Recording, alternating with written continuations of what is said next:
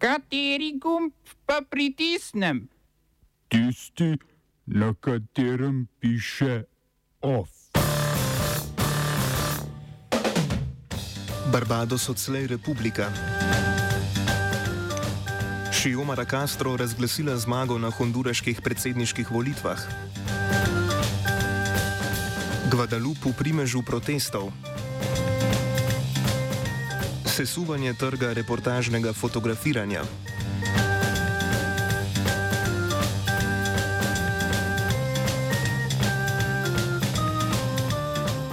Barbados je s prisego prve predsednice Sandre Mason postal republika in tako zamenjal britansko kraljico kot vodjo države.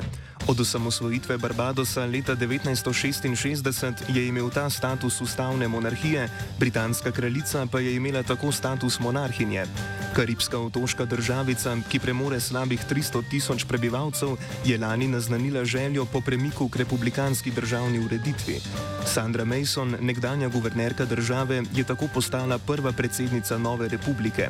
Barbados še vedno ostaja del britanske skupnosti narodov, znane kot Commonwealth. Na ceremoniji sta bila prisotna tudi barbadoška pevka Rihanna, ki je prejela naziv nacionalne herojinje, in britanski prestolonaslednik princ Charles, ki je naslovil britansko odgovornost v temačni zgodovini otoka ter izrazil željo po nadaljevanju tesnih odnosov med Veliko Britanijo in Barbadosom.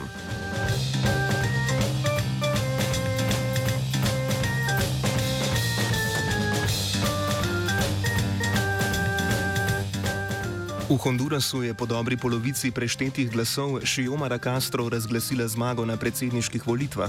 Vse kaže, da bo Castro postala prva ženska predsednica te Srednjeameriške republike. To je sicer njen drugi poskus potegovanja za predsedniško funkcijo.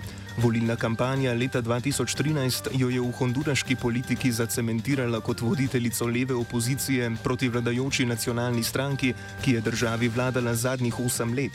Program strankarske koalicije, ki jo vodi Castro, se osredotoča predvsem na obljubo referenduma, na katerem bodo državljani glasovali o sprejemu nove ustave. Poleg tega želi Castro diplomatsko prepoznati Ljudsko republiko Kitajsko in uvesti protikorupcijsko kampanjo pod vodstvom Združenih narodov.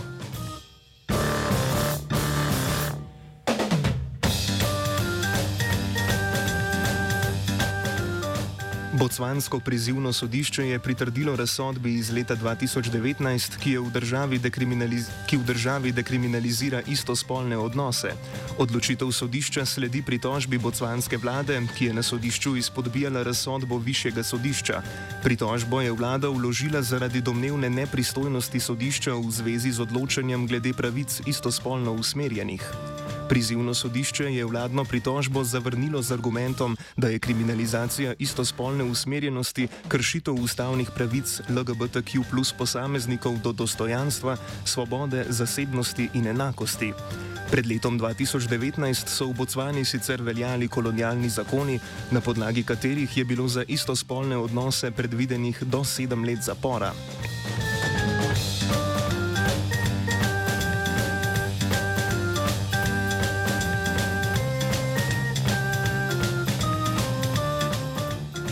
Turške oblasti so zaradi domnevnega političnega in vojaškega vohunjenja obramnemu analitiku in enemu od ustanoviteljev stranke za demokracijo in napredek Metinu Gurčanu oduzele prostost.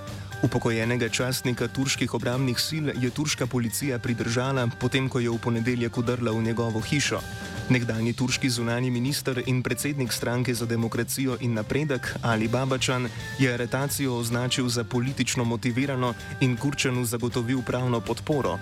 Gurčan je sicer nedavno javno kritiziral turški sporazum z Združenimi arabskimi emirati in zatrdil, da bo Turčija s tem prisiljena popustiti v zameno za naložbe, ki jih obljubljajo Združeni arabski emirati.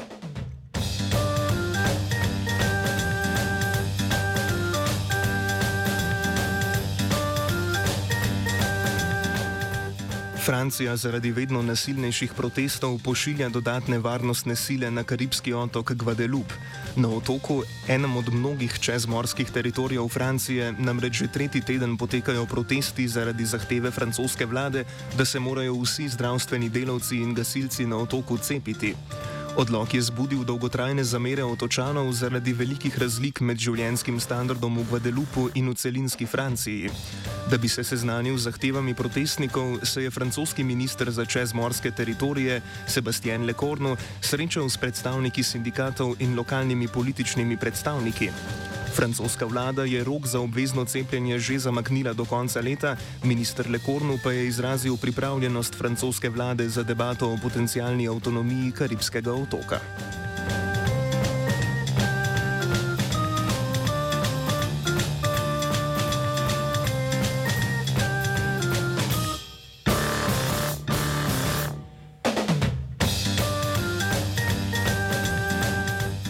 Magdalena Andersson, predsednica švedske socialno-demokratske stranke, je bila že drugič v enem tednu izvoljena za predsednico švedske vlade. Za njo je v parlamentu glasovalo 117 poslancev, 174 jih je glasovalo proti, ostalih 58 pa se je glasovanje vzdržalo. Edini pogoj za izvolitev na funkcijo premijejke je manj kot polovica glasov proti, kar bi pomenilo 175 glasov proti, torej le en glas proti več. Vlada je prejšnji teden sedem ur po glasovanju v parlamentu razpadla, ko so koalicijo dveh strank zapustili zeleni. Razhod strank je sledil neuspešnemu glasovanju v švedskem parlamentu za odobritev državnega proračuna. Tudi tokratna enostrankarska vlada bo manjšinska. V parlamentu ima le 100 od 349 sedežev. Zaradi manjšinskosti vlade bo Anderson primorana iskati parlamentarne glasove pri opozicijskih strankah, ki so sestavile državni proračun. Anderson bo funkcijo predsednice vlade, če do novične nezaupnice ne bo prišlo, opravljala do švedskih parlamentarnih volitev septembra 2022. Oba, če, če bom odgovoril na angliški. Slovenija bo poskušala pomagati. Slovenija bo naredila naš utmost, da bo rekla, da je situacija naš problem, naš. In bomo naredili nadaljnje korake, as soon as the conditions are. Bomo vlado Marjana Cererja Šarca podprli. Very, very serious. News from Slovenija. We know how and we will.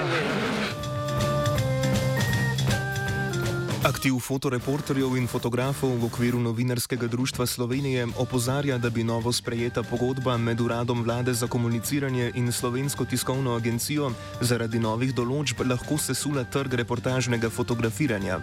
Zakon o STA delovanje agencije deli na javno službo in tržno dejavnost. Prvo obsega objavljanje ključnih podatkov in povzetkov novic, ostalo delovanje STA pa spada pod tržno dejavnost. Fotografije predstavljajo posebno kategorijo vsebin, ki v tej ločitvi ni jasno opredeljena. Uroš Hočevar, predsednik fotoaktiva Društva novinarjev Slovenije, razloži, da so določila nove pogodbe tako nedomišljena, da bi lahko ogrozila cel trg fotoreportaže. Na trg pride za 300 tisoč evrov uh, za ston fotografij. Uh, že tako je ta trg uh, na nek način pri nas zelo uničen.